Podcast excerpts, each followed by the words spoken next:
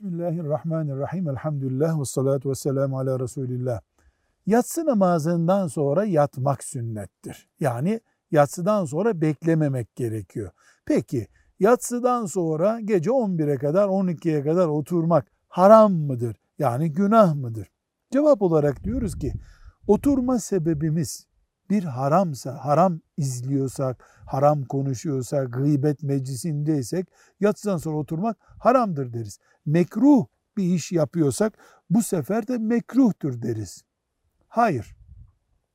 Talebe tefsir dersine çalışıyor. Yarınki matematik imtihanına çalışıyor. Bu oturma nedenimiz ise bu zaman sünnettir deriz. İlimle meşgulsün. Bunun dışında ise yatsıdan sonra oturmak mubahtır. Yani dinimizin serbest bıraktığı işlerdendir. Yalnız sabah namazı tehlikeye girmeyecek o şartla. Oturuşumuz sabah namazını tehlikeye sokuyorsa e sabah namazını kaçırmak haram. Onun sebebi neyse o da haram. Velhamdülillahi Rabbil Alemin.